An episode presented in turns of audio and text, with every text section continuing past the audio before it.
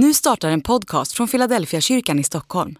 Om du vill komma i kontakt med oss, skriv gärna ett mejl till hejfiladelfiakyrkan.se. Dag 212. Bröd på bordet.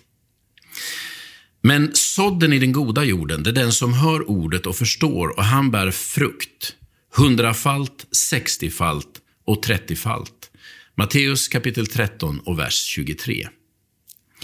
När Jesus talar om Guds ord som ett utsäde och människans hjärta som en åker, då fattade alla vad slutresultatet skulle bli. Bröd på bordet. I ett jordbrukssamhälle var alla beroende av att lyckas med sådden för att kunna överleva. Det viktigaste var inte om det blommade, om det var stora strån eller snygga fält. Det enda som räknades var att det blev skörd som man kunde göra bröd av. Liknelsen om de fyra sädesåkrarna rör vid det mest grundläggande i våra liv. Att få mat på bordet. Nej, nu talar inte Jesus om vanligt jordbruk, om skördar eller om dagligt bröd. Han talar om Guds riket. Men liknelsen pekar på ett viktigt, viktigt faktum.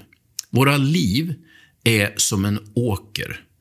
Det viktiga är inte att det ser snyggt ut eller att det är stora växter. Det viktiga är att vi får skörd som kan ge bröd.